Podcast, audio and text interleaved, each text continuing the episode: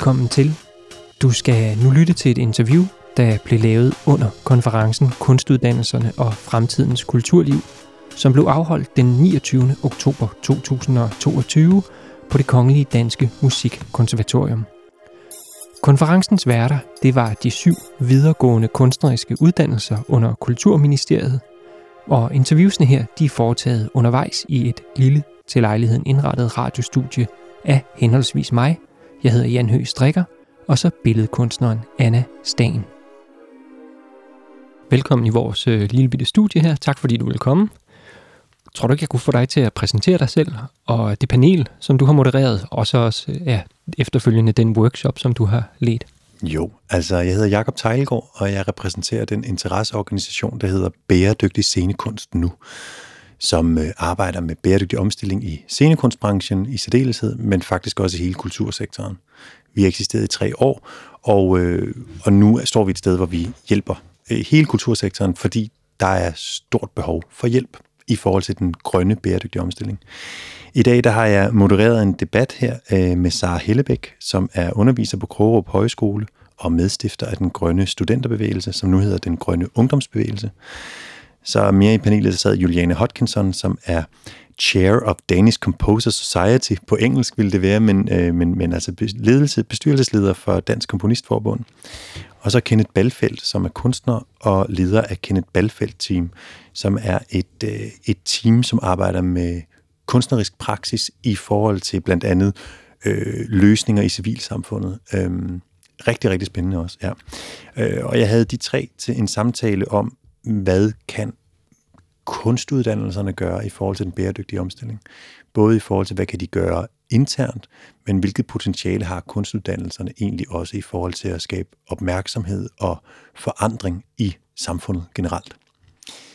Det var faktisk en rigtig, rigtig spændende samtale, som egentlig også mundede ud i en, en god øh, dialog med de deltagere, der var i salen også. Ja. Kan du måske resumere nogle af de vigtigste pointer, som, øh, som kom frem? Ja, det kan jeg i hvert fald. Altså, øh, en, man kan sige, at de tre paneldeltagere repræsenterede tre vinkler ind på, på hvad skal man sige, den bæredygtige omstilling, hvor man kan sige, Sara, øh, som medstifter af den grønne ungdomsbevægelse, jo øh, står som en, en ung stemme i den her sammenhæng, men en aktivist, som også øh, har set potentialet i, at man organiserer sig. Øhm, og det kan vi se i vores arbejde, at organisering er virkelig nøglen til forandring.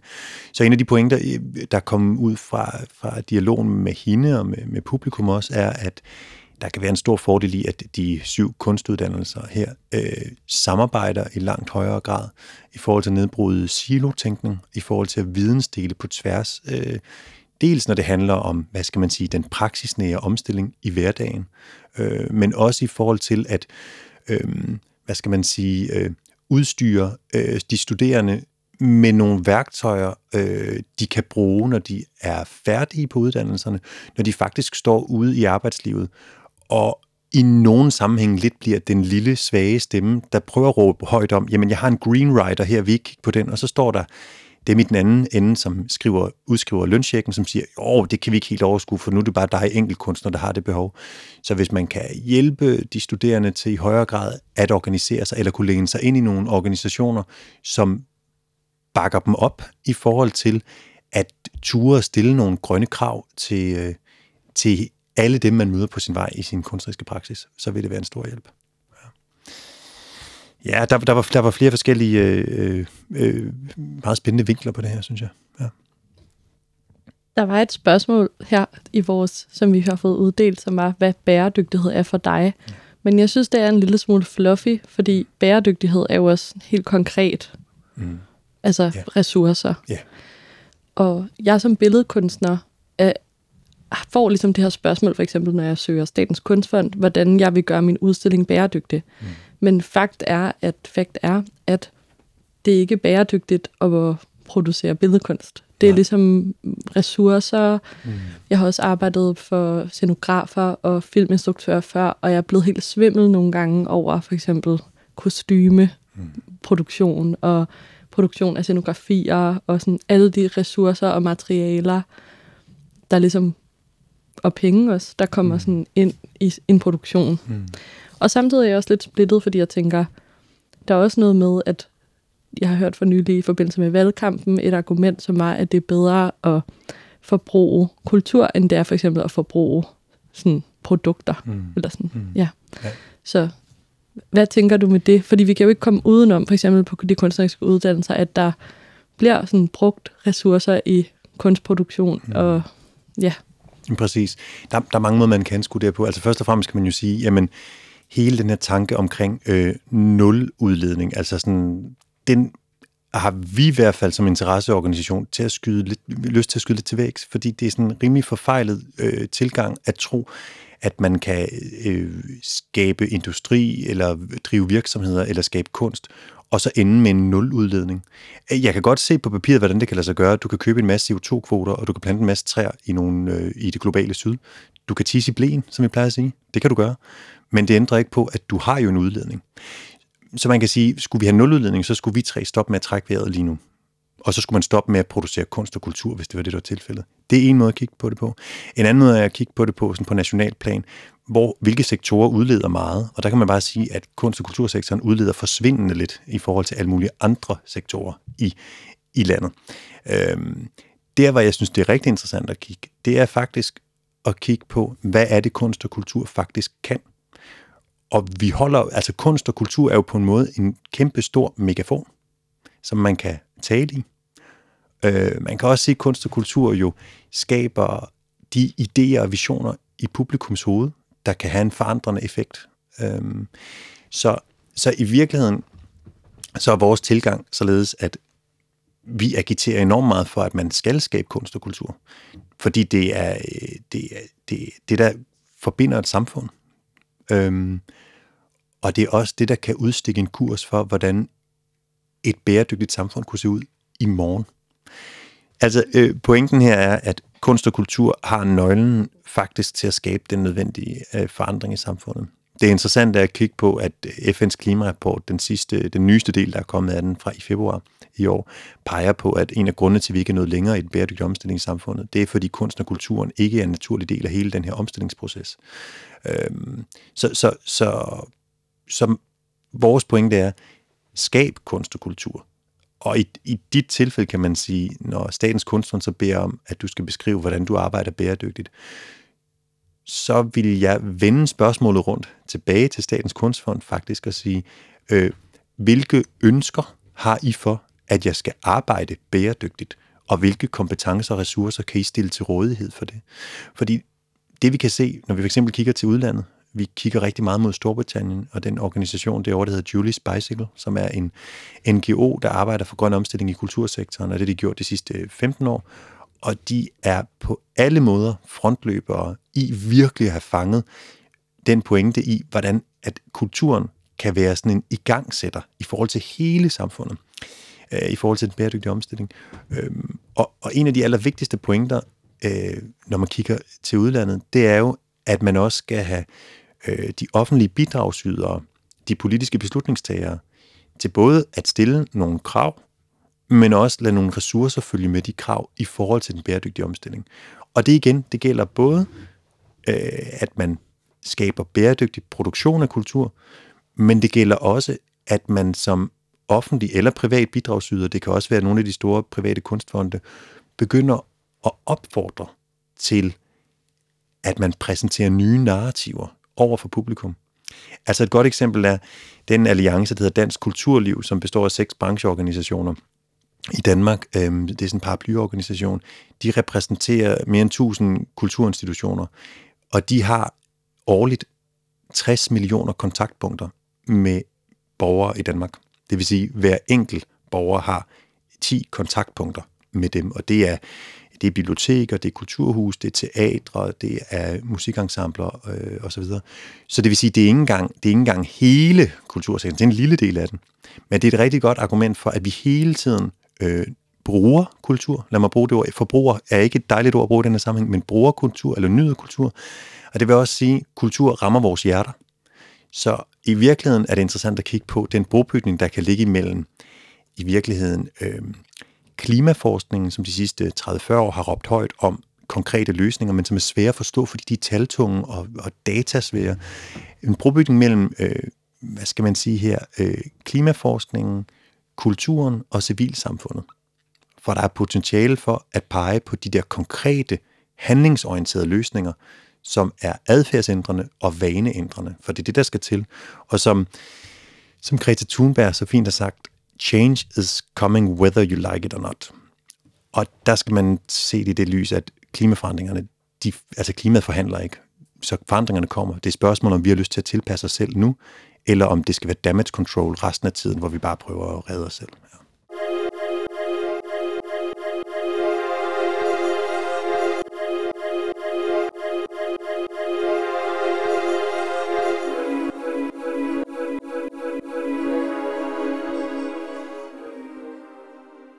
Nu er den her konference organiseret af de syv forskellige kunstskoler, og øh, på en eller anden måde, hvis man kigger på det i sådan uddannelsesperspektiv, er det nødvendigt, at øh, bæredygtighed bliver sådan en meget mere præsent del af de uddannelser, for eksempel.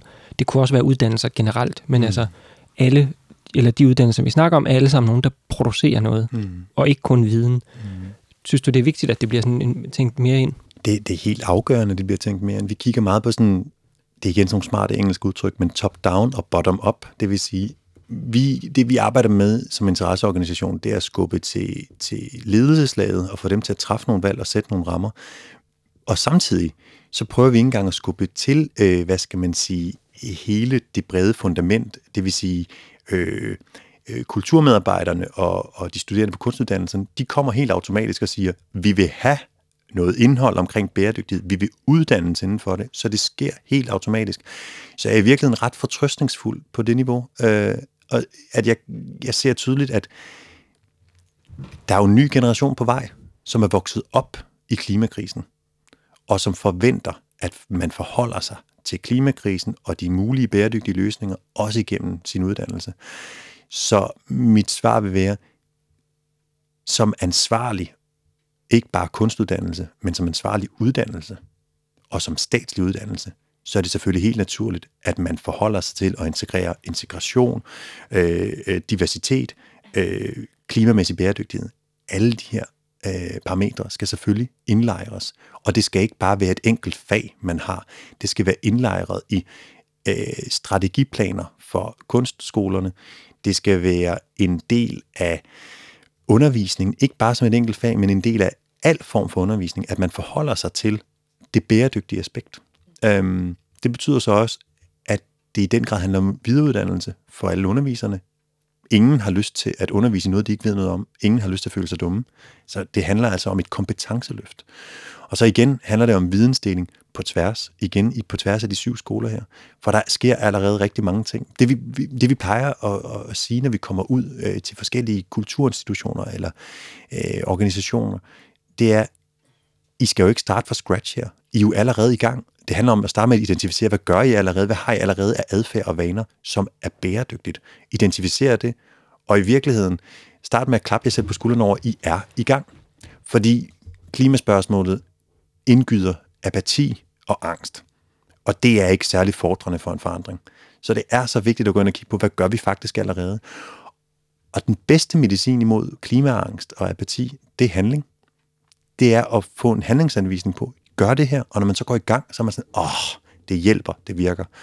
Og det opdager man ikke er alene, er også vigtigt i den sammenhæng. Nu havde du også en øh, workshop. Ja. Hvad var workshoppen konkret handlings... Øh, hvad hedder det? Ja, den, den, den stillede sig på to ben, kan man sige. Det ene var, og det gør vi altid, når vi laver workshops, vi laver det, der hedder klimasalonger. Det vi altid gør, det er at bede alle deltagere om at udfylde deres eget klimainitiativ.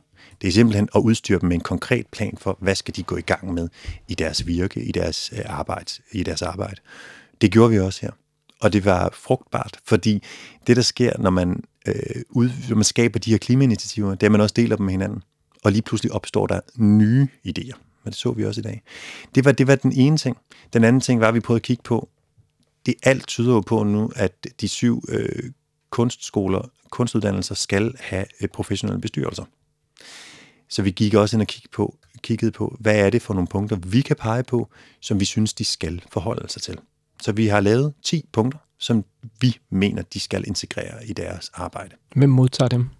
Jamen, det kommer de til at modtage, de bestyrelser. Nu rører det så i det her tilfælde igennem Kaki, øhm, sammen med al den anden viden og alle de key findings, der har været i dag til et samlet udspil, øh, også til de bestyrelser.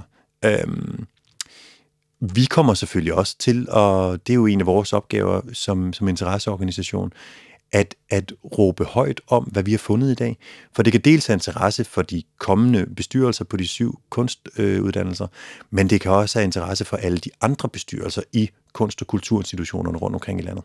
Tusind ja, tak. Selv tak. Det er vildt spændende. Ja, selv tak. Og tak fordi jeg måtte komme og og braldre løs om noget, jeg brænder for.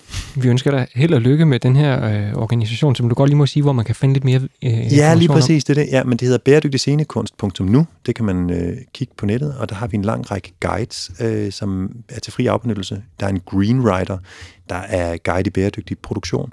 Øh, der er også en CO2-beregner, som man kan finde inde på det, der hedder rethinkscenekunst.nu, som egentlig er en beregner, vi har udviklet øh, med udgangspunkt i den allerede meget anvendte og benyttede beregner fra Julie Bicycle. Øh, det er en beregner, vi har skabt specifikt til scenekunstbranchen, men som nu bliver benyttet også af museer og af, øh, af Aarhus Kommune blandt andet, altså kommuner og af, af spillesteder osv. Så, så vi er i gang med lige nu at kigge på at specialisere beregneren til de enkelte dele af kulturbranchen, fordi den er så mangfoldig, og der er forskellige behov, og det er så vigtigt at prøve at præcisere arbejdet specifikt. Og det er jo også rethinkscenekunst.nu er også en side, man kan gå ind og kigge på, hvor man kan finde en masse klimainitiativer. Og så siger vi, der er ikke noget, der hedder copyright her, der er right to copy i stedet for. Så det gælder bare om at gå ind og stjæl, stjæl, stjæl, og ring til hinanden. Tag telefonen, ring til de andre, der har lavet nogle gode initiativer, spørg, hvad har I gjort, og så kopier det.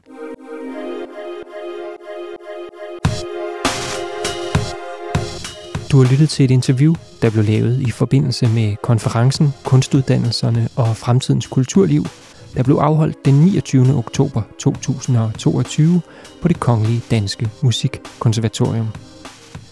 Du kan høre mange flere interviews og optagelser af panelsamtalerne fra konferencen i de øvrige episoder af den her podcast. Podcasten er i øvrigt udgivet af Kaki, Center for Anvendt Kunstnerisk Innovation, der er et fælles videnscenter for de syv videregående kunstneriske uddannelser under Kulturministeriet. Mit navn det er Jan Høgh Strikker. Tak fordi du lyttede med.